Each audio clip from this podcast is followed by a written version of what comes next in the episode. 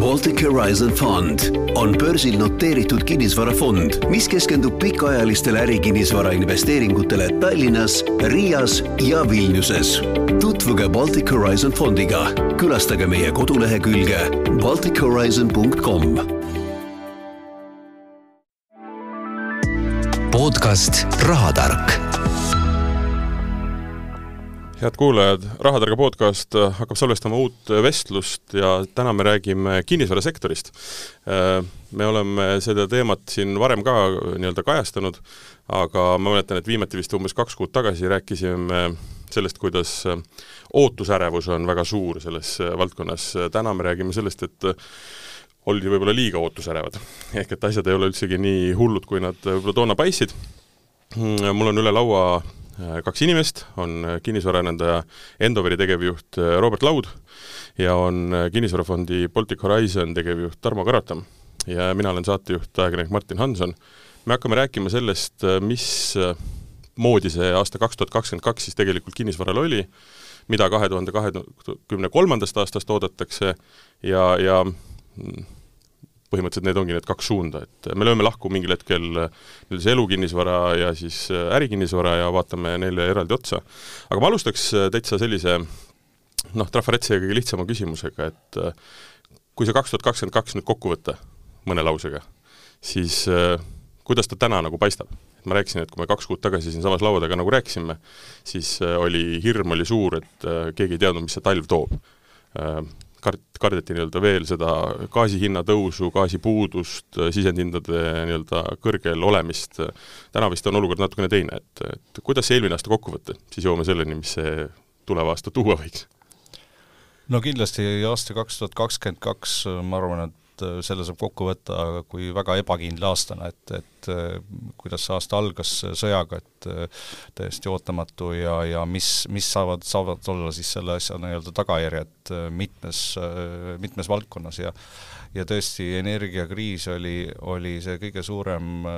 teema, millest räägiti ja, ja kõige suurem koht, et ja, ja seda saime kõik ka omal nahal tunda, kõrgeid energiahindasid, nüüd kui tõesti siin aasta veel teises pooles äh, tundus see kõige suurema ohuna, siis, siis pigem on nüüd aasta kaks tuhat kakskümmend kolm äh, alanud hoopis äh, hoopis teistmoodi, et, et ma arvan, et energiahindade oht kui selline on oluliselt väiksem, kui, kui, kui kardeti ja ja väga huvitav, lugesin siin Exxon Mobile'i ühte ühte niisugust arvamus, arvamus niisugust tööd ja ja seal on välja toodud äh, nende, nende prognoos, et, et arenenud riikide tegelikult osakaal energia tarbimises tulevikus oluliselt kasvab ja, ja just Euroopa arene-, tähendab, äh, arenevate riikide ja arenenud riikide siis energia äh, tarbimine tegelikult pikas perspektiivis isegi väheneb tänu efektiivsustele nii-öelda, aga see muidugi kümne-kahekümne aasta perspektiivis no igal juhul oleme ka meie näinud juba, et energia tarbimine on vähenenud, et isegi ootamatult rohkem kui kui, kui, kui, kui see, kui see, kui, kui arvati elukondliku kinnisvara vaates on seis selline, et, et oli selline anomaalne aasta, et sisuliselt me võime vaadata nagu kahte erinevat poolaastat. Et kaks tuhat kakskümmend kaks esimene poolaasta jätkus veel kakskümmend üks lõpu vaimus, kus tehinguid tehti palju, meelsus oli positiivne ja isegi üllataval kombel sellest Ukrainas äh, alustatud sõjašokist tuldi umbes kuu ajaga nagu välja. ja, ja sisuliselt võime öelda, et jaanipäevani tehti tehinguid äh, äh sellises positiivses vaimus. Ja oluline muudatus siis turu meelsusesse, tarbija meelsusesse tekkis äh, teisel poolaastal, pigem ma ütleksin äh, sedasi augustist äh, alates hakkas, oli tunnetus selgelt see, et, et tarbija ei ole enam nii optimistlik, tarbijal on mure oma toimetuleku pärast ja võib-olla ka selline üleüldine psühholoogiline seisund läbi selle mm, sõja ja ebastabiilsuse suurenenud, ehk siis tehingute arv järsult vähenes. ja meil koroona ajast oli ka selline äh, vaatlus, et, et, et selline šoki sisselugemine tarbijale võtab seal üks viis-kuus kuud aega, kus ta on passiivne. et mida me siis nüüd aasta lõpus nagu nägime, et, et, et detsember oli äh, meil müügi mõttes üle ootuste hea, ehk et, ehk et ostjad on, on nagu aktiivsuse tase on oluliselt tõusnud, on turul tagasi ja noh, minu nagu järeldus sellest on see, et, et et teatav selline uus, uus normaalsus või, või noh, on nagu, on nagu sisse loetud ja need, kes on võimelised tehingut tegema, need ei taha neid enam edasi lükata. aga see tähendab seda, et kui see noh, inerts, mis aasta algusest äh, või eelmisest aastast, üle-eelmisest aastast, vabandust, nii-öelda kaasa tuli sellesse esimesse aastasse äh,, muutus siis seal poole aasta peale, aga samas siia, sellesse aastasse, kahe tuhande kahekümne kolmandasse, see inerts nagu tegelikult ei ole tulnud. Ta ei, me ei saa seda veel noh, nii-öelda lõplikult no, ja kindlalt väita, aga see märgid, märgid on, on positiivsed, et selles mõttes, et ta ei ole tulnud, sest et ütleme noh, kui me vaatame läbi maailma ajaloo, siis inimkond adapteerub igasugustele uutele oludele ja, ja tänaseks nii-öelda see kõrgete energiahindade temaatika on endale justkui nagu sisse loetud, keegi ei oota, et see homme jälle oleks äh, kakskümmend üks aasta alguse tasemel, see hinnatase, sellega nagu arvestatakse, Euribor on sisse loetud, pangad on seda piisavalt palju ka kommunikeerinud. Ja tõde on see, et, et võib-olla osadele elanikele nendest kahest aspektist tulenevalt nad ei saa turul tehinguid teha, sest nad lihtsalt äh, noh, mm, objektiivsetel asjaoludel ei, ei küündi selle laenuni, eks ole.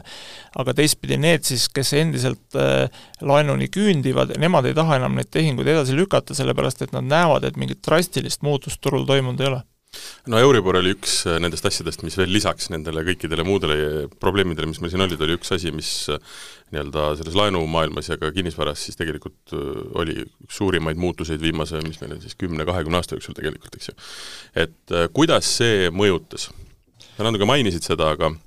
milline see, milline see selline tunnetus või, või, või, või siis ka reaalne maailm oli, et see Euribor nüüd sai uuesti positiivseks? Eh, no elukondliku vaate siis võib-olla kajastan siin omalt poolt, et, et, et eh, ma ütleksin nii, et, et võib-olla mu enda tunnetus on, et see Euribor kahtlemata kinnisvaraturgu mõjutab, aga võib-olla sellist lõpptarbijat äh, mõjutab ta selles mõttes vähem, et äh, et loomulikult olid inimesed ära harjunud selle pika perioodiga, kus meil Euribor oli null või alla selle,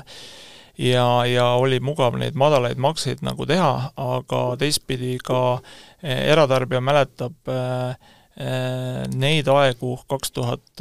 mis ta siis oli meil seal, kuus, seitse, kaheksa, peale seda, kui see, kui see Euribor oli ka ikkagi päris kõrge, küündis kuni viieni. et see tähendab seda, et, et, et need, kes seda aega meelde tuletavad, saavad aru, et ta päriseks nulli ei saa jääda ja, ja noh, ma jällegi tulen selle teema juurde, et see, et see uus situatsioon loetakse endale nagu sisse, et see võtab natuke aega aega, see selle normaalsusega nagu kohanemine, aga, aga sellega kohanetakse, see võetakse arvesse ja, ja jällegi seesama faktor, et, et elust tulenevalt äh, sa ei saa tehinguid lõpuni nagu edasi lükata. et, et äh, paljud kinnisvaraturu tehingud ei ole lihtsalt, et et nii-öelda nice to have, vaid on siiski nagu iga inimese elu muudatustest tulenevad nii-öelda vajadused ja, ja, ja sellest tulenevalt hakatakse jälle nagu tehinguid tegema, aga mööngem, et äh, kogu tehingute maht turul on siiski oluliselt nagu langenud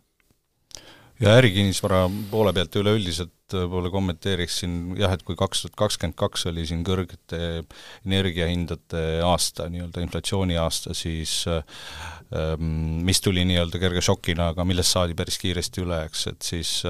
siis see aasta on see kõrge Euribori aasta, et äh, ma arvan, et siin nagu ennustus on, et et see aasta me näeme selle Euribori tippu ja, ja näeme päris kiiresti, eks, aga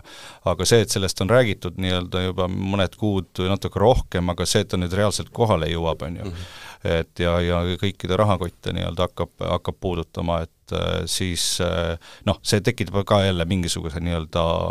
mingi mentaalse niisuguse nii-öelda seisaku, eks aga, aga noh, vähemalt tundub, et no inflatsioon on mõnes mõttes järele andmas ja no muidugi, mis see baasinflatsioon teeb ja ja, ja vaateid on erinevaid, aga, aga tundub, et, et see Euribor ütleme sinna, kui ta nüüd käib kolme-nelja protsendi juures ära, mida tõenäoliselt ta teeb, et, et kas ta sinna jääb kaheks-kolmeks aastaks, see on eraldi küsimus, eks, et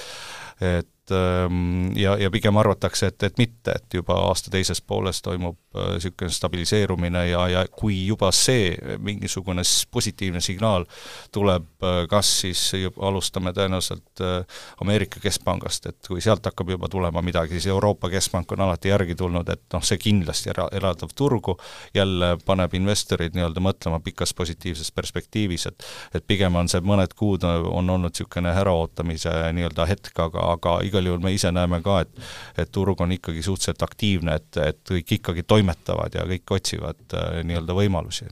no reaalses plaanis äh, need, see Euribori tõus ei ole ju nii märkimisväärne, et äh, inimesed või, või ma küsingi niimoodi, et, et et füüsiliselt ja reaalselt äh, noh, loomulikult on neid, kes äh, otsustavad korteri ostu edasi lükata. kuna Euribor tõuseb, okei okay,, jätame selle psühholoogilise poole kõrvale, vaatavad konkreetseid numbreid, makse tõuseb nii palju, okei okay,, lükkame edasi. Kindlasti neid inimesi on ka. Äh, ärikinnisvaras äh, kindlasti on ka samamoodi mõtlejaid, aga, aga see erinevus on ju selles mõttes äh, mm, noh, selles mõttes ilmne, et ärikinnisvara puhul võetakse see nii-öelda kulutõus ja tegelikult pannakse see nii-öelda sellesse ärisse sisse no, tegelikult... versus see, et, et, et elukinnis, eluaseme puhul sa maksad ikkagi ise selle, sa vaatad oma sissetulekuid, mille tõus ei pruugi olla üldsegi nii suur, et et kas sellist erinevust on ka konkreetselt võimalik näha või? no siin jah, me lähme juba tegelikult siis elukondliku ärikinnisvara nii-öelda võrdlusesse, et mm, -hmm. et tõesti, kuidas need segmendid töötavad natuke erinevalt, et et Robert oskab võib-olla rohkem kommenteerida oma, oma, oma kogemusest, kuidas siin noh, tegelikult mis siin paari aastaga elukondlikus toimus, et põhimõtteliselt reaktsioon oli väga kiire et ärikinnisvaras on reaktsioonid aeglasemad, et, et noh, näiteks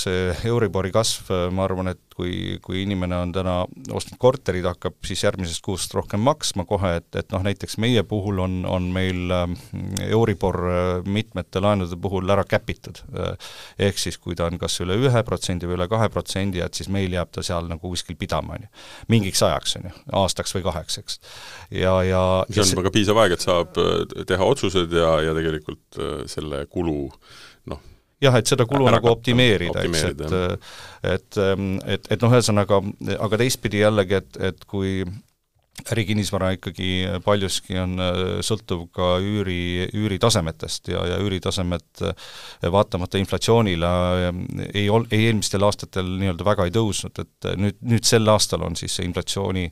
hetk või nii-öelda võimalus siis lepinguid indekseerida ja seda me teeme, seda teeb terve turg ja, ja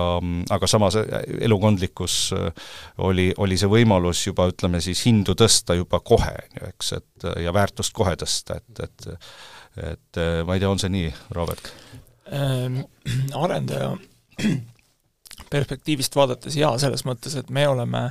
võimelised äh, hinnakirjaga reageerima muutunud turuoludele sisuliselt kohe, selles mõttes, et äh, need lepingud, mis on sõlmitud, need on kindlad, neid ei muudeta ja, ja inimestele antakse selle hinnaga korter üle, aga kõik müümata kaup, et seal on võimeline, oleme võimelised reageerima suhteliselt ruttu ja mida me ka kakskümmend üks lõpus ja kakskümmend kaks alguses energiahindade tõusule ja ehitushindade tõusule vastuseks ka tegime nüüd võib-olla põhiline eh, selline iseloomustav erinevus eh, elukondliku kinnisvara ja ärikinnisvara vahel on see, et, et, et et elukondlik kinnisvara põhineb rohkem emotsioonidel, ärikinnisvara rohkem Excelil. ja vaatame, vaatame selle pilguga, et, et kui me selle elukondliku kinnisvaraturu jaotame ka nagu erisegmentidesse, siis eh, äärelinnas paiknevad, ütleme, sellised tavakorterid, heas mõistes sellised kahe-kolme neljatoalised tavakorterid, siis selle sihtgrupi puhul mängib see Euribori tõus nagu hästi olulist rolli, sest paljudel lihtsalt ei ole võimalik enam sellisel hulgal laenu võtta, et seda korterit nagu omandada. kui me räägime objektidest, eh, mis on kesklinnas, mere ääres, mm, mingit pidi nii-öelda nagu unikaalsed ja kelle sihtgrupp on, on moel või teisel nii-öelda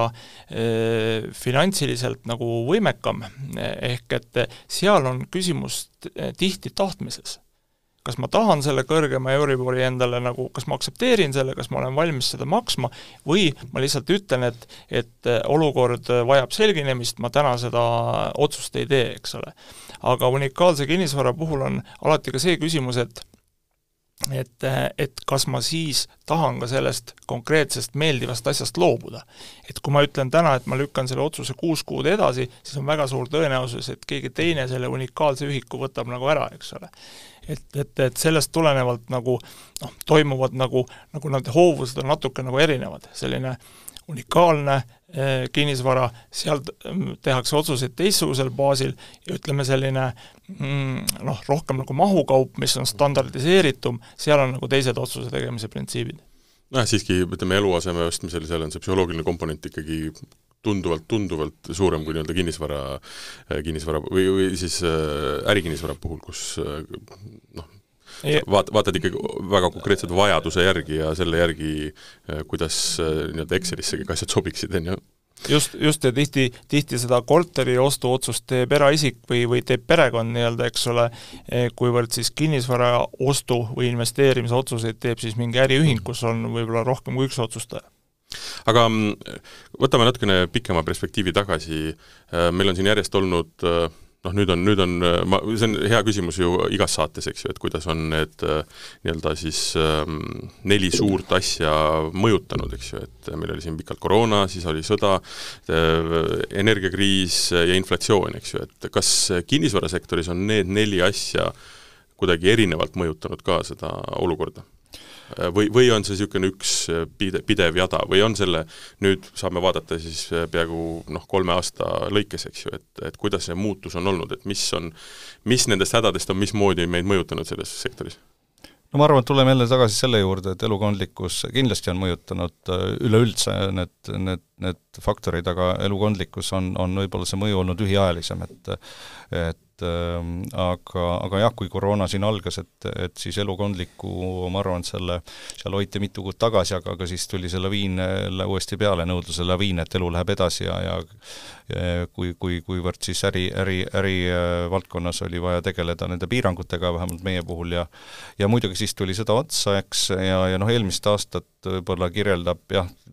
selles mõttes ka ärikinnisvaras suhteliselt nagu keerulist, on suht-, oli suhteliselt keeruline aasta, et et justkui kõik vabanes, on ju, justkui kõik tegelikult uuesti tarbivad, uus, uuesti käivad tööl, aga siis on energiahinnad, on ju, et, et mida tuleb üürnikele edasi anda, samas nagu üüri tõsta ei saa, eks, et, et ja, ja,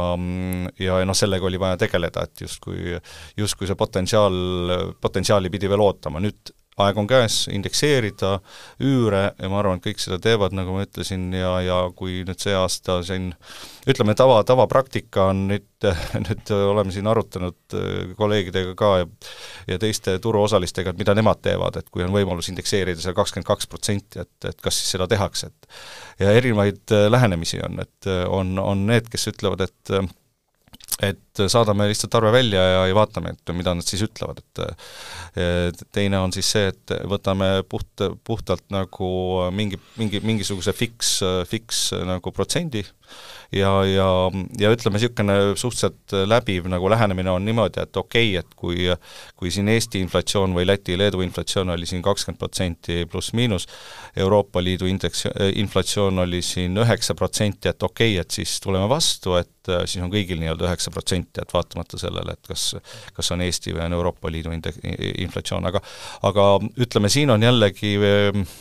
ärikinnisvaras niisugust potentsiaali, et, et et äh, kui nüüd see aasta on üheksa protsenti ja järgmine aasta võib-olla viis-kuus protsenti, et siis juba kahe aasta peale kokku viisteist protsenti.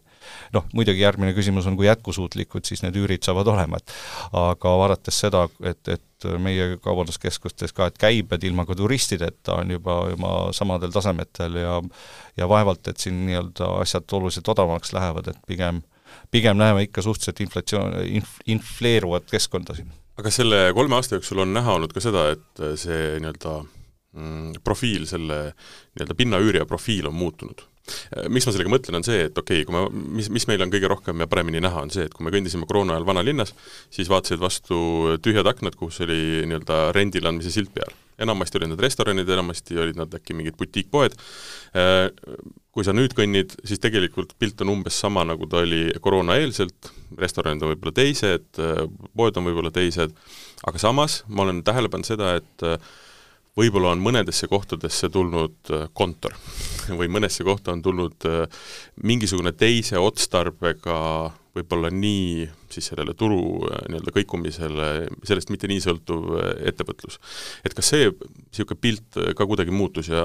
saad sa öelda võib-olla, mil, kuhu suunas? no ma arvan, et nii, ma arvan, et igas kommertskinnisvara segmendis ütleme, niisuguseid nii-öelda üllatavaid trende nagu koroona kaasa ei toonud, pigem olid lihtsalt need vanad trendid, need lihtsalt kiirenesid, eks. ja, ja, ja noh, selge on see täna, et, et jah, ütleme, niisugune standardne, ütleme, kaubandus ähm, ei ole see kõige parem äh, mudel, et, et pigem on ikkagi äh, mitmedimensiooniline siis kaubandus, meelelahutus, et noh, mida me kindlasti eelmisel aastal nä-, nägime ja, ja, ja sellel aastal tõenäoliselt edasi, et meelelahutus ja südalinna kaubandus on taastumas. ja väga jõuliselt, et äh, vaatamata isegi turistide vähesusele siiski, et et ähm, aga, aga kindlasti ka büroos ähm, paljud ütleme nii, et mõtlevad, et kuidas siis nii-öelda nii-öelda meelitada seda töötajat uuesti tööle ja ma, ma ei ütleks, et midagi uut, aga, aga pigem jah, ja, ja kindlasti mõned, mõned pinnad seal asendusid mõne teeninduspinnaga või, või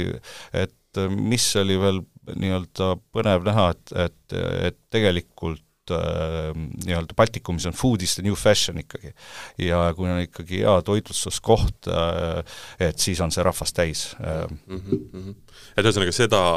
niisugust pilti, mida tegelikult äh, maaliti noh, kogu välismeedia oli seda täis, kui lugeda nii-öelda büroopindade võib-olla tulevikust. ehk et põhimõtteliselt ikkagi noh, ettevõtted annavad pool pinda ära, sellepärast et inimesed töötavad kodust, mõttetu on hoida,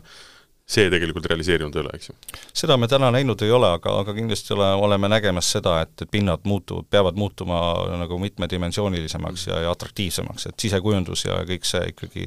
muutub, et ja, ja, ja sellega, sellega ikkagi ettevõtted koos siis majaomanikega nii-öelda tegelevad nojah, aga see on pigem loogiline, orgaaniline areng, sa tahad töötada paremas, ilusamas kohas, et noh, ma, ma arvan, et see oleks ka ilma koroona ja selles kodus töötamiseta tegelikult juhtunud, et kõik, kõik nägid seda pilti, kuidas äh, nii-öelda IT-inimesed tööl käivad, startup'erid, eks ju.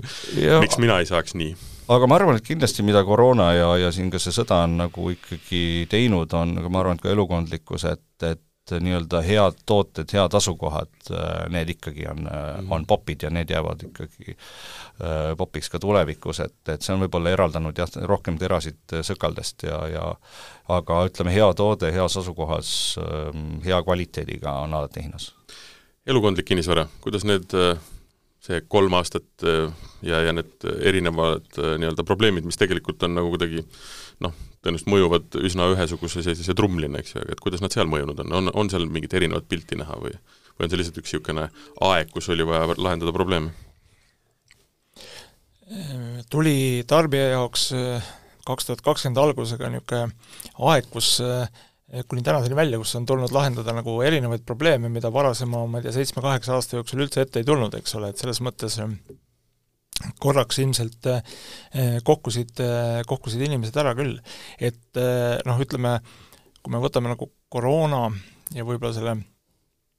Ukraina sõja sedasi kokku niisuguse psühholoogilise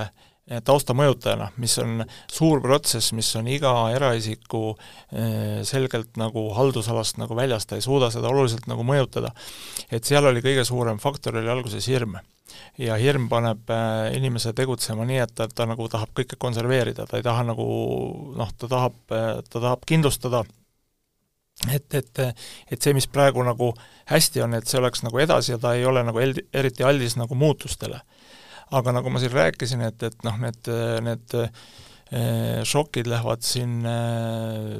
mõne kuu perspektiivis nagu üle see, see info nagu loetakse sisse ja eriti veel siis, kui tekib sinna juurde ka nagu lootus. et, et, et see on hästi suur psühholoogiline mõjutaja, et kui, kui inimene on oma peas need kõige mustemad stsenaariumid läbi mõelnud ja näeb, et tegelikult need ei rakendu või on lootus nii-öelda hoopis nagu paremale, tulemusele, et siis ta muutub jälle nagu aktiivseks, ta hakkab jälle mõtlema, et kuidas oma eluga nagu edasi minna. et need on niisugused psühholoogilised faktorid ja need on turgu mõjutanud, aga ma ütleksin lühiajaliselt. Teistpidi ütleme, energiahindade tõus ja, ja Euribori tõus või sellised muutused nagu finantseerimisturul, noh, need on nagu tõeliselt pikaajalise mõjuga nii-öelda ja, ja neid nagu noh, neid nagu kuidas öelda, neid nagu ära ei mõtle oma peast, eks ole, et nad on, nad on olemas ja ja nad ära ei lähe, aga siin on siis seesama, seesama ikkagi see adapteerumine, et, et kui majandusel üldiselt eh,, majanduses üldiselt sellist suurt allakäiku ei tule, mida me täna ei näe, eks ole, ja inimestel nagu töökohad säilivad eh,, siis, siis see on nagu kõige olulisem. Ja sealt töökoha säilimise pealt saab juba, juba erinevaid otsuseid nagu edasi teha ja ja kuna noh, need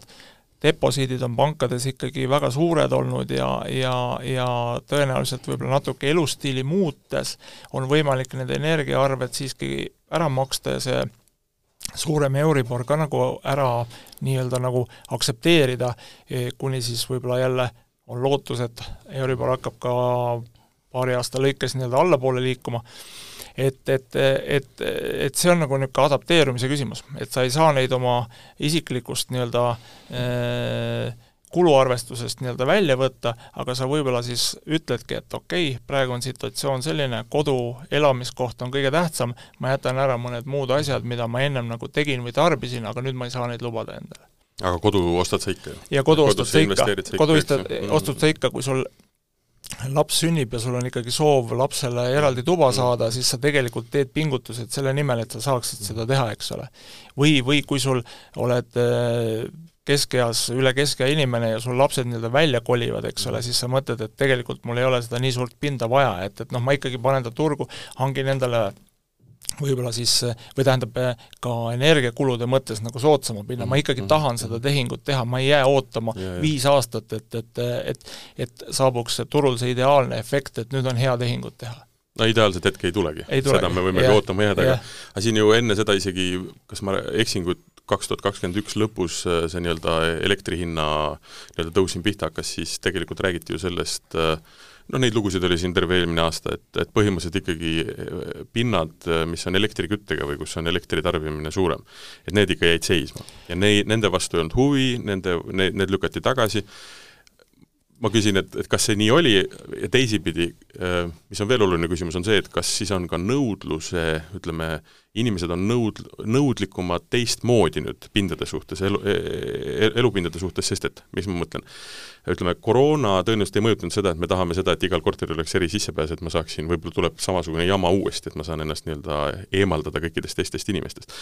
tõenäoliselt, ma arvan, inimesed ei küsi ka, et kas majal on keldris varjend noh, nii-öelda sõjahirm. aga sada protsenti kindlalt esi, esimese asjana ju küsitakse seda, mis maksab ülalpidamine. et mis on energia, eks ju. See... et kuidas, et, mhm. et kas elektri nii-öelda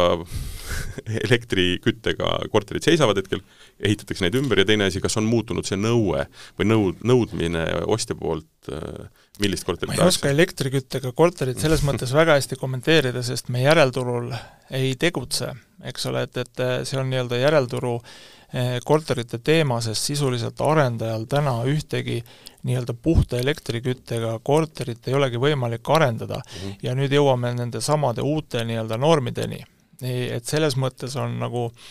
noh, me oleme liikunud minu arust nagu tänuväärsel kursil, kus äh, arendajatel on pandud äh, peale järjest äh, karmimad nõuded hoonete energia tarbimise osas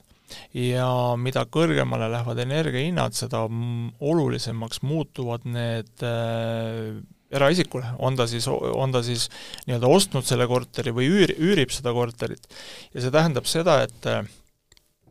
et, et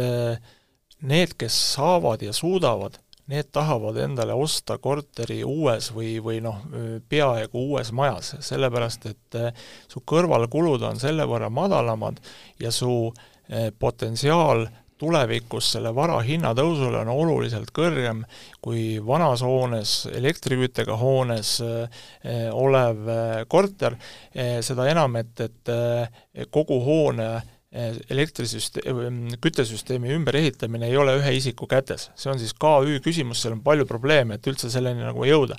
et selle tõttu see trend on jätkuv ja see ei kao nagu kuskile ära, et meie üldine elamufond on väga vana ta on amortiseerunud. ja, ja, ja seda tänuväärset tööd tehakse loomulikult kõigil mägedel, kus neid vanu paneelhooneid soojustatakse, ümber ehitatakse, see on kõik väga õige. aga kui me vaatame, kui palju on seda fondi ja kui, kui vähe on sellega võrreldes ikkagi nagu uut elamufondi, siis nagu seda, et nõudlus nagu uute korterite eh, järgi nagu fundamentaalselt ära kaob, kindlasti mitte täna on, me räägime perioodist, kus kuus kuud on olnud nõudlus nagu madal nendest teguritest äh, põhjustatuna, mis siin saates jutuks on olnud, aga see, et nagu fundamentaalselt kümne aasta, kahekümne aasta perspektiivis kaoks nagu äh, Eestis äh, ära vajadus uue energiatõhusa elamispinna suhtes, seda karta ei ole. No me ei ole tegelikult ka väga kaugel ju sellest, kus tegelikult ühest otsast nii Mustamäel kui Iismäel tuleb hakata äh, tuleb kahjuks hakata minema nii-öelda ühelt, ühest või noh, nii-öelda eesotsas buldooseri ja tagantpoolt ehitajad peale, on ju. me ei saa neid maju enam üles vuntsida, seal mingil hetkel on neil lihtsalt loogiline lõpp, eks ju no see on äh, küsimus, mis on väga keeruline ja mida, mille lahendamist lükatakse edasi nende majade renoveerimisega mm. ja õnneks on olemas ka sellised head renoveerimislahendused, sest et äh, fundamentaalselt, konstruktiivselt nad on ju, püsivus on okei okay. mm. -hmm. küsimus on tehnosüsteemides, soojapidavuses ja seda aidatakse nagu täna järele, kui see fond oleks äh, nii-öelda institutsionaalsete investorite käes või, või ka ütleme, selline riiklik elamufond, siis saaks seda eh, lihtsamalt, lihtsamalt lahendada, aga täna on ju iga korter on mhm. eraomaniku käes, selles mõttes, ja saja korteriga majas saada konsensust, et me nüüd sada inimest kolivad uude majja, noh, ühesõnaga see, see on lahendamata küsimus aga noh, ütleme kümne-kahekümne aasta perspektiivis see tuleb lahendada. Eh, nojah, kogu selle vananeva amortiseeruma elamufondiga me kogu aeg jah, järjest see, see küsimus muutub teatud määral pakilisemaks, jah mm. -hmm. et see on Tallinnas, ütleme ütleme nendes eh, väiksemates asulates ju tegelikult äh, jäävad paneelhooned niisama tühjaks, üks asi, mis veel ju eelmist aastat nii-öelda, tegelikult natuke rääkisime sellest ka, äh, ju ilmestas, oli ikkagi hinnaralli kinnisvarasektoris, eks ju. mina olen ka üks nendest, kes äh, olin nii-öelda eelmisel aastal tehinguid tegemas ja, ja lükkasin edasi need. sest et äh, vanad pinnad olid nii-öelda realiseeritud ja nüüd ma siis ootan mis tähendab seda, et ma jälgisin seda hinnamuutust nagu üsna, üsna konkreetselt, et et me teame, miks ta tuli Äh, mis juhtub kaks tuhat kakskümmend kolm, kas, kuidas see hind hakkab nüüd siis olema? ehk et me saame aru, jätame, Euribor arusaadavalt tõstab äh, erinevad muud äh, nii-öelda mm, siis meist mittesõltuvad mm. nii-öelda tegurid, aga, aga ütleme, mis see hind teeb? Et noh, selge on see, et ta langema ei hakka, aga lange, või selles mõttes, et, et niimoodi, niimoodi ta ei lange, et ta selle nii-öelda hinnatõusu eelsesse aega või, või numbrisse. aga noh, langema ta ju peab, ta ei saa jääda sellele tasemele ega, ega, ega veel rohkem tõusta, eks ju. ma usun jah, et selline vaikne korrektsioon siin siiski toimub ja see on täna juba ka reaalsus, eks ole, et, et järelturu eh, korterite põhjal on äh, on, on seda kajastatud ja, ja ka uusarendustes tehakse sooduspakkumisi, nii-öelda antakse parkimiskoht kaasa või panipaik kaasa või köök kaasa, et, et noh, sisuliselt eh, võib seda ka ju nii-öelda eh, adapteerumiseks lugeda, eks mm -hmm. ole, mis, mis eh, lõpptulemuses on madalam hinnatase, aga, aga noh, arendajal on selles mõttes täna nagu nagu valik on mõneti lihtne, et kui ehitushind on nii kõrge ja ilma sellise äh, projekti mm, mõistliku joonealuse tulemuseta eh, prognoosita sinna joone alla, ei julge keegi nagu arendama minna, eks ole. ja kui see ehitushind püsib jätkuvalt kõrge, siis on see, et lihtsalt ei arendata. ja siis ongi see, et, et eh, on ka väga väike see uute korterite valik, ehk see nagu ühelt poolt nagu sellist öö, mm, töötab vastu hinna langetamisele, eks ole, aga teistpidi, teistpidi on siis ka see, et, et noh, arendajad, kellel on tänasel hetkel ladu suurem, kui ta tahab selle laoga nagu tehingut teha, siis ta peab ikkagi jõudma tarbijaga nagu kokkuleppele. Ja eks see kokkuleppimine siis siin jooksvalt nii-öelda käib, käib kauplemine palju aktiivsemalt, kui ta veel eh, pool aastat tagasi või, või veel noh, aasta tagasi ei toimunud mingit kauplemist, eks ole. et selle läbi ikkagi turg selles mõttes nagu adapteerub ja otsib seda uut sellist eh, noh, tasakaalupunkti nii-öelda, noh, mida me oma kogemusest nagu eh, nüüd nägime, et detsembris me tegime kõigi aegade teise müügitulemuse detsembri kohta. Noh, see oli meile nagu ka endale nagu väga üllatav, me müüsime korterit kõikides meie käimasolevates projektides, osad siis valmis, osad paberi peal, me tegime märkimisväärse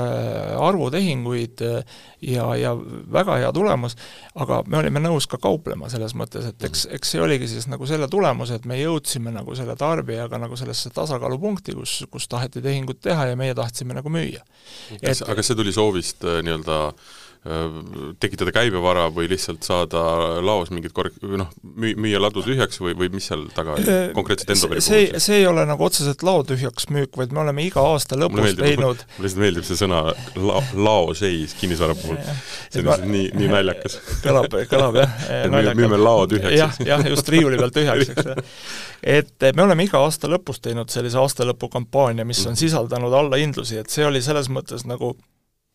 eelmiste aastate nagu kordus ja see kampaania on meile alati nagu häid tulemusi eh, toonud. et, et see üks ja teine, et ega, ega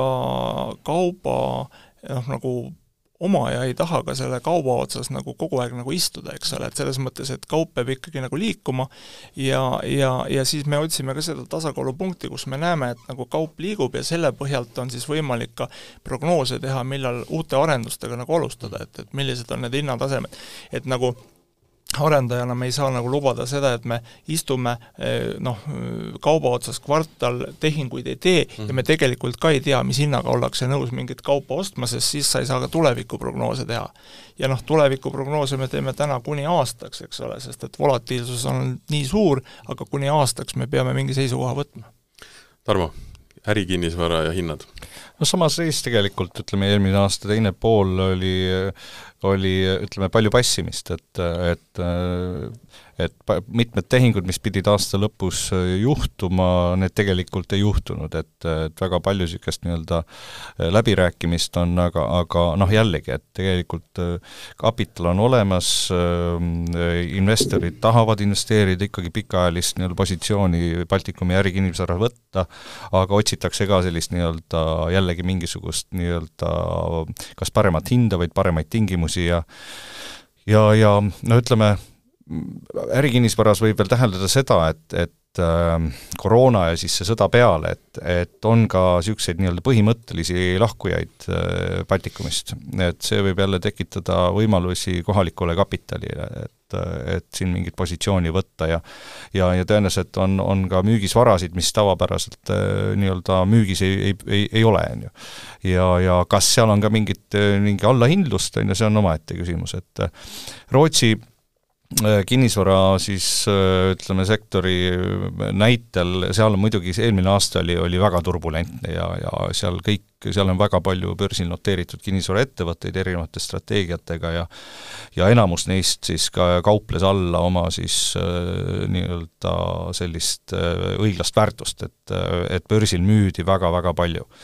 ja just said pihta elamukinnisvara arendajad ja fondid, et, et seal need allahindlused börsil seal ikkagi ulatusid seal kaheksa-üheksakümne protsendini. Ja mis need põhjused olid, olid ikkagi see, et väga väga suurte, väga suure laenukoormusega siis arendati ja ta opereeriti seitse-kaheksakümmend protsenti isegi, et ja, ja, ja teistpidi Äh, teistpidi, äh, mis, äh, mis juhtus muidugi Rootsis, et kuna seal on reguleeritud üüriturg, siis kui sisendihinnad kõik kasvasid, siis ei olnud võimalik seda üüri edasi anda näiteks elanikele ja, ja ja samamoodi noh, ärikinnisvaras kõik nii-öelda on natukene aeglasem, et, et see nagu lõi need kaardid seal päris korralikult sassi, aga, aga noh, toimus ka suuri tehinguid, näiteks müüdi seal nelja miljardi euro eest Äh, kinnisvara üks, üks suurimaid äh, ettevõtteid müüs seal ameeriklastele kas oli kuue nädalaga või et äh, aga, aga noh, hinnas väga palju alla ei tuldud, aga nad ei oleks kunagi seda nii-öelda seda portfelli müünud. ja mm, kui ei oleks vaja olnud ja, ja ja, ja noh, muidugi see on, kui nüüd rääkida veel ärikinnisvarast, et mis nagu hindu mõjutab, on, on ka kindlasti pankade finantseerimisvõimekus, et mm -hmm et ma täna küll ei näe, et see on mingisuguse olulise löögi all, aga, aga kindlasti kuna meil opereerivad siin Rootsi pangad, et, et nad, nad, nad on tunnetanud seda mõju ja, ja eks nad võib-olla on muutunud konservatiivsemaks, aga, aga noh, nagu nad ise ütlevad, et siis hea, heal tootel on alati finants, finantseering olemas ja, ja ja, ja, ja, ja üldiselt ma ei näe, et, et seal nagu kuidagi kraane otseselt kinni keeratakse, pigem on see võib-olla isegi võimalus jällegi kohalikele pank-, pankadele siin võtta turuosa, äh, kes näevad äh, seda, seda, seda, seda, seda potentsiaali siin ja seda tulevikku võib-olla natukene, natukene selgemalt ja, ja ei ole seotud selle Rootsi ütleme, kinnisvaraturu tormiga, mis seal oli, et noh, muidugi nüüd on jällegi asjad hakanud stabiliseeruma mm. ka seal, aga, aga jätkuvalt ähm, ütleme, oodatakse seal ka äh, nii-öelda sisendhindade Äh, siis langust ja, ja Rikspanga siis äh, intressimäära ka langust sellel aastal, et pigem oldakse seal ka optimistlikud, aga ütleme jah,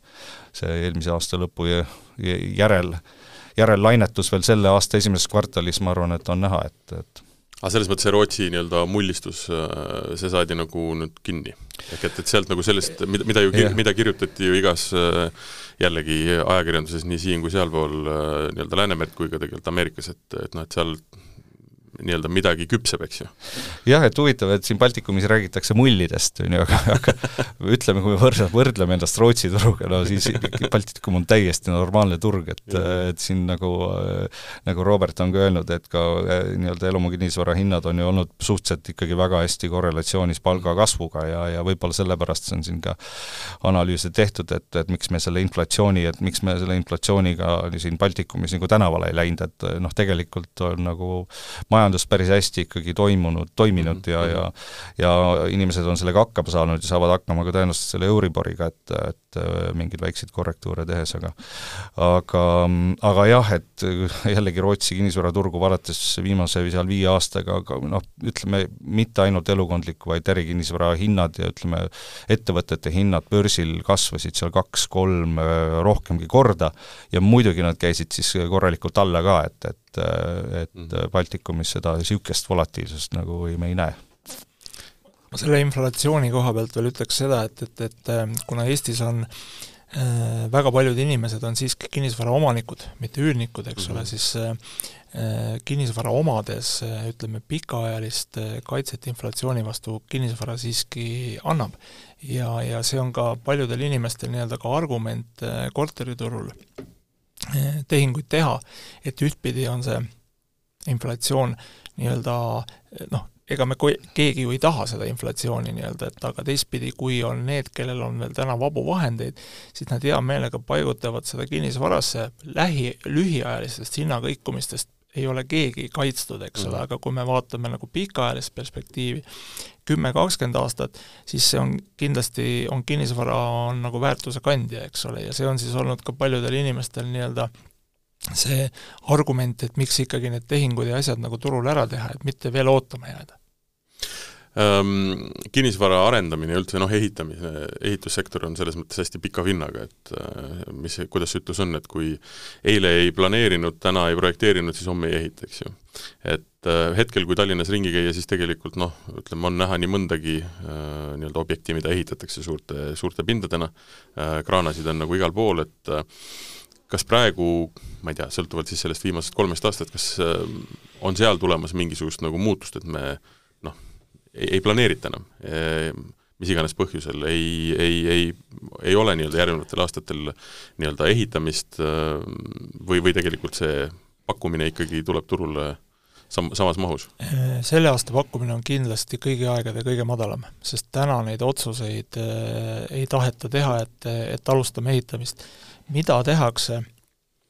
on see, et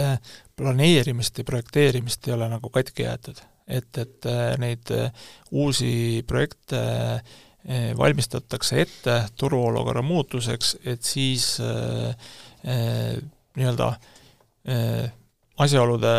kokkulangemisel jälle saab nagu kopa maasse lüüa. aga, aga see, et et sul on olemas ehitusluba sahtlis, ei tähenda seda, et sa sellega turule tormad. Et sellega võetakse arendaja poolt kindlasti täna mõõdetakse üheksa korda nii-öelda, kõik üheksa korda mõõdetakse ära, ennem kui see otsus tehakse nii-öelda. ja, ja kuna meil ei ole täna nii-öelda äh, Äh, kindlaid fakte veel ehituse hinna allapoole liikumisest, vaid on pigem nagu ootus sellele eh, noh, läbi objektiivsete asjaolude, et energiahinnad on viimasel ajal oluliselt kukkunud, eks ole, ja, ja, ja meie eh, ehitusmaterjali nõudlus kogu turgu tervikuna vaadates on, on praegu lahjapoolne. see tähendab seda, et, et noh, me siiski arendajana ootame ehitushinna langust ja, ja, ja kui me ehitushinna langusega saame, siis meil on hea meel seda ka tarbijale edasi anda ja ärikinnisvarasektoris noh, samamoodi täna tegelikult, kes arendavad, on ikkagi hästi kapitaliseeritud väga pika-pika rahaga ettevõtjad ja, ja ettevõtted ja fondid, et et äh, ei saa öelda, et seal joostakse ka nii-öelda vabadele büroo, büroopindadele tormi, aga, aga noh, kui on aega oodata, aega tegelikult äh, seda väärtust luua, siis pikas perspektiivis on, on, on on sellised arendajad ikkagi võidumehed, sest mingil hetkel ju majandus läheb uuesti suurema hooga käima ja siis on sul see nii-öelda nagu jälle lattu toodetud head tooted olemas, mida siis äh, on võimelised, võimelised need ettevõtted kohe pakkuma ja, ja noh, samamoodi meil on va-, vaikselt täitub Vilniuses üks büroohoone, et ikka jälle iga kuu saame siin mingi, mingi üürniku sinna jälle sisse, aga jällegi ei taha neid üüre ka seal otseselt alla anda, et mm -hmm. et et siis noh, ärikinnisvaras on ka see lugu, et, et kui sa müüd ennast odavalt, siis jäädki kogu aeg ennast odavalt müüma, et, mhm. et et et aga, aga noh, ka kaubandust kui vaadata, siis äh, noh, tegelikult ega kaubandust enam väga ei arendata juurde, et need sihtkohad, mis on olemas, need on olemas, need lihtsalt mõtlevad, kuidas seda rahvast ikkagi siia nagu enda juurde tuua ja ja, ja aga muidugi logistika nii-öelda ehitatakse logistikahooneid ikkagi üürnikele jätkuvalt, aga aga muidugi kõik ootavad, et et ja vaatavad, et, et see tuleks ikka ots otsaga kokku, et, et oleks ka, oleks ka mõtet äh, sellise üüri tasemelt ähm, nii-öelda arendada ja, ja see võib mingit pidi ja võib-olla ongi natukene juba andnud survet üürihindade kasvule teatud segmentides kuidas äh, turuosaliste poolt vaadatuna see viimased kolm aastat on nii-öelda läinud, äh, kuidas need jõujooned on muutunud? Ehk et äh, kas on konkreetseid võitjaid, kas on konkreetseid kaotajaid, äh, on hakatud nii-öelda konsolideeruma, ma ei tea, näiteks kas on äh, võitjad need, kes on võtnud ette nagu tõesti väga suure pinna arendada, nagu näiteks on meil Veereni tänaval, eks ju, on ikkagi noh, tervet, tervet põhimõtteliselt linnaosa ehitatakse, no mitte päris linnaosa, aga siiski, eks ju, väga-väga suurt nii-öelda pinda, väga suurt mahtu või on võitnud need, kes tegelikult on niisugused väiksemad ma ei tea, on, kuida-, kuidas see nii-öelda turu, turuseis selles mõttes muutub, mitte üldsegi nii-öelda minu kui tarbija poole pealt vaadates, aga just turul nii-öelda tegi-, tegijate vaatevinklist? meie, meie põllul tegelikult olulisi muutusi ei ole toimunud, et, et see kinnisvara, elukondliku kinnisvara arenduse eh, maastik on küllaltki fragmenteerunud, siin ei ole ei ole kellelgi sellist otsustavat suurt turuosa, et üksi muutusi nagu, nagu esile kutsuda, et, et pigem on siin äh, Äh, tegutsemas kümme kuni kakskümmend sellist äh, võimekat ettevõtet, kes moodustavad selle liidergrupi ja, ja ja päris suur arv selliseid nii-öelda väiksemaid arendajaid. et, et noh, meie jälgime seda, seda liidergruppi selgelt ja ei, ei, ei jälgi täpselt, mis väikearenduse turul toimub. et kui ma peaksin spekuleerima, siis ma ütlen, et sealt noh, teatav selline konsolideerumine selle, selle suuremate turuosaliste kätte on toimunud eelkõige läbi professionaalsuse kasvu. Et kinnisvaraarendus ei ole raketiteadus, aga teisalt on seal piisavalt palju selliseid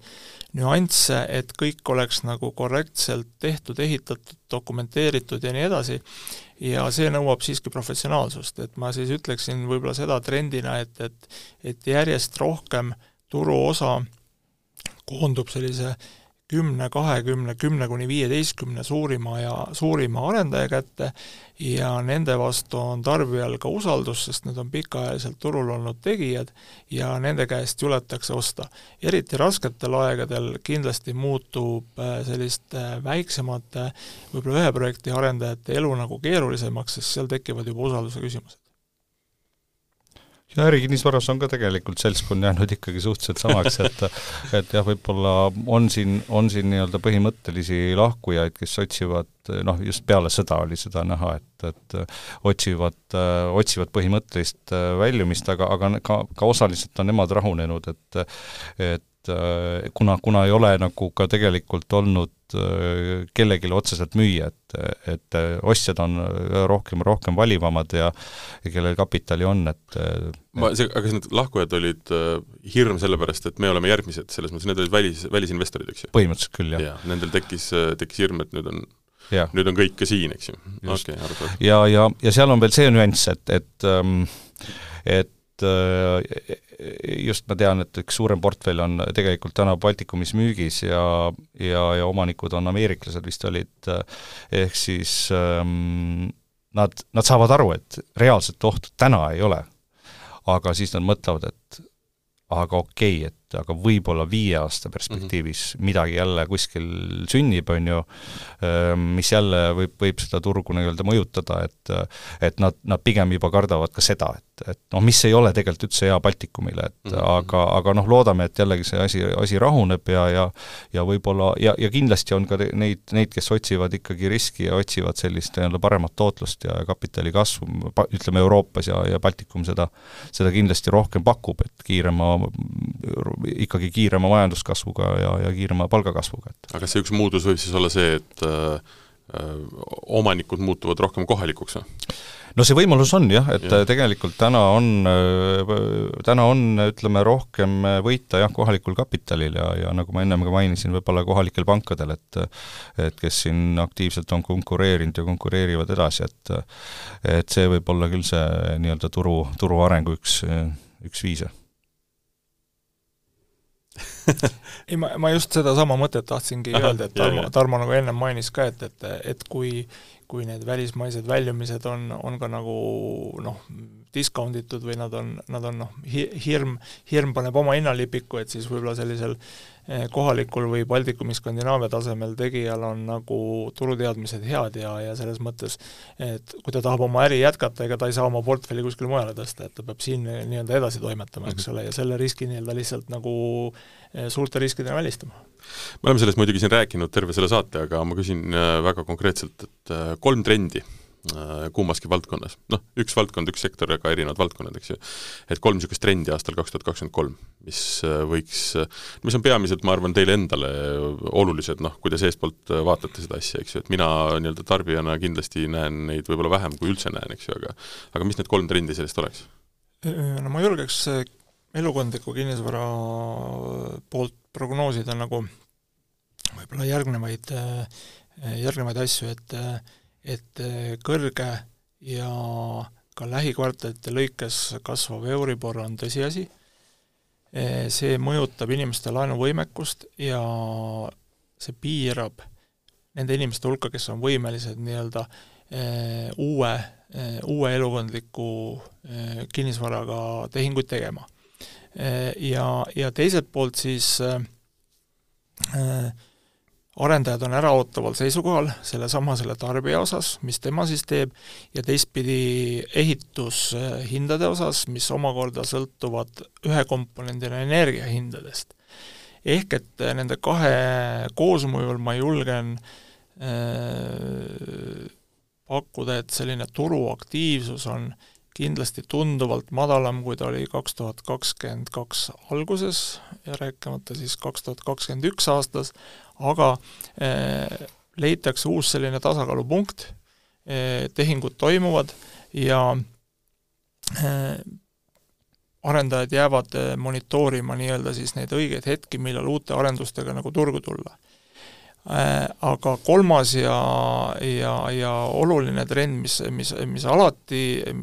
toimib, on see, et, et heas asukohas õigesti hinnastatud selline unikaalne kinnisvara, see on nagu alati nõutud, et, et, et mhm. seda me näeme ka oma, oma objektide ja oma siin äh, lähi, lähimineviku nagu müükide pealt, et see kaup ei jää seisma, ehk et, ehk et äh, seal tehinguid äh, tehakse ja seda, et nüüd turgu nagu noh, turg jääb nagu igal juhul toimima mm. -hmm. ärikinnisvara puhul? Need kolm trendi sellist? Ütleme ütled, kindlasti ütled sa jälle seda, et äh, laias laastus kõik on sama? ei ähm,, tegelikult noh, olla natuke, natuke tä- siis äh, jah, ärikinnisvara poole pealt kommenteerides, mida me see aasta tõenäoliselt näeme, on ikkagi äh, yield'ide niisugust kasvu.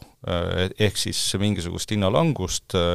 ma arvan, et ka, ka hindajad oma hindamistes arvestavad niisugust nii-öelda ütleme, niisugust trendi või niisugust suunda, et, et ähm, just tänu Euribori kasvule, et nüüd ka, kas ta on ajutine või mitte, noh pigem, pigem oodatakse, et on, aga, aga see aasta me kindlasti seda näeme, mingit korrektuuri. ma arvan, me näeme ikkagi päris palju tehinguid ja, ja, ja, ja selles mõttes just sellepärast, et, et pigem ikkagi nähakse perspektiivi, et, et kui see indekseerimine toimub, et, et siis see sisse, sissetulekud, ütleme siis ühel niisugusel objektil üürivood võiksid, võiksid kasvada, et. Ja ja ütleme, üks asi, mida kindlasti oota, oot-, turg ootab, on, on mingi lahendus sõja osas, et kas see aasta veel seda juhtub, aga noh, jällegi, et kõik valmistuvad selleks nii-öelda uueks, uueks tõusuks, et et ja ma viimase võib-olla asjana ütleksin ikkagi ka seda, et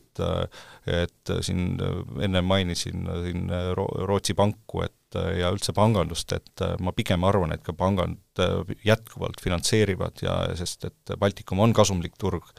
ja, ja, ja otsivad ikkagi häid kliente, häid objekte, et, et ma arvan, et selles mõttes turg saab olema päris aktiivne. et äh elukondliku kinnisvara puhul ma võtan selle kokku siis niimoodi, et on pigem niisugune kerge nagu hingetõmbeaasta, kus planeeritakse, vaadatakse, kuidas asjalood nii-öelda nagu parlanksi lähevad, eks ju, aga et ärikinnisvaras nähakse võimalust kasvamiseks ja tegelikult äh, võiks tulla, tulla täitsa edukas. Jah, ütleme, kui saadakse üle sellisest äh, nii-öelda selle esimese poole aasta tegelikult äh, riskidest ja, ja ütleme, väljakutsetest, mis selgelt on olemas, et siis teine, teine poolaasta võib tulla oluliselt optimistlikum klaaskuul ka, tõstan siia laua peale, eks ju. Äh, viis aastat näiteks vaatame ettepoole ja mitte üldse, ma ei mõtle, et äh, kuidas kummalgi nii-öelda ettevõttel läheb, loodame, et väga hästi ja väga edukalt, eks ju, aga et ma mõtlen just, et viimased need aastad ja need nii-öelda probleemid, mis on, mis, millest me oleme läbi tulnud, et nendest kindlasti on väga palju õpitud, eks ju, et et kas ja kuidas, ütleme siis see nüüd mis me oleme selge, endale selgeks saanud või endale selgeks teinud, mõjutab nüüd järgnevat, ütleme, viite või kümmet aastat. just selles seisukohas, et noh, et me peame tegema endale selguseks, et noh, jutt sellest, äh, mis on nagu kõikides valdkondades, et et lähme tagasi normaalse elu juurde. noh, unustame selle ära, sellist asja ei ole olemas enam, nüüd on uus normaalsus, see, mis isegi kui sõda lõpeb, kui hinnad lähevad normaalseks, inflatsioon rahuneb, me oleme täiesti teises reaalsuses, seda ei ole enam mõtet nii-öelda endale korrutada, et me saame kuidagi minna sellesse, mis oli aastal kaks tuhat üheksateist näiteks, enne kõike seda. et kuidas see valdkond nagu muutub, millised nagu niisugused noh, arengud on just sellega, et äh, võetakse arvesse kõike, millest me nagu läbi oleme tulnud, on muututud nagu ma ei tea, natukene tagasihoidlikumaks või, või täpselt seesama näide selle elukinnisvara puhul, et äh, hakatakse rohkem arendama neid eksklusiivseid äh, kohti, mille peale saab nagu alati kindel olla, või siis vastupidi, just ma ei tea, odavamaid, väiksemaid kortereid, et mm, väiksematesse asulad, et noh, mis, mis need sellised pikemad võib-olla tonaalsused on, mida need viimased kolm aastat meil nüüd nagu peale on surunud või? ma usun, et see, mis sa mainisid, et, et eksklusiivseid kinnisvaraobjekte arendatakse jätkuvalt ja tehakse ka sellist, äh, sellist äh, noh, nii-öelda niisugused äh, noh, kuidas ma ütlen, tavakinnisvara või sellist mahukaupa nii-öelda, need on mõlemad õiged ja, ja ega siis turul olijad tahavad ju edasi toimetada, aga võib-olla üks oluline niisugune trend, millest me mida me nagu äh, arendajatena nagu vältida ei saa, on kindlasti see energiatõhususe ja vähema tarbimise teema nii-öelda, nii, nii, nii hoonet ehitades, planeerides olla tõhusam, kui ka siis seda, et see hoone nii-öelda äh, valmides ja, ja oma eluea kestel oleks, oleks energiatõhusam, sest noh, ütleme energiasektori äh, investeeringud viimastel aastatel on olnud väga madalad mis tähendab seda, et nii-öelda vanade klassikaliste energia tootmisvõimsuste eh, need nii-öelda eh, noh, riistvara on lihtsalt nagu, nagu vananenud või vananemas ja ja, ja noh, ja seda uut, seda roheenergiat, mida kõik oodatakse, ka seal on tohutu kapital vaja ennem allokeerida, et see, et see roheline odav energia hakkaks tulema ehk et ei ole nagu ausalt öeldes vähemalt Euroopa tasemel, tasemel, eh, kus on te-, regulatsioonid ja eesmärgid ette öeldud, ei ole näha, et see energia nagu odavamaks läheks. ja, ja, ja see on nii-öelda kinnisvara puhul eh, oluline komponent läbi kogu tema eluea nii-öelda, et ma ütleksin, et see läbiva trendina eh, ikkagi see, see omab tähtsust ja, ja see nii-öelda siis kinnisvara planeerimisel eh, muutub järjest olulisemaks et see on nii-öelda see, mille mille vastu ei ole võimalik saada ja see saab olema nii-öelda põhiliseks selliseks äh, ma usun, et see on jah, üks niisuguseid põhilisi argumente, mis läbivalt tegelikult mm -hmm. iga kinnisvaratüübi kohta nii-öelda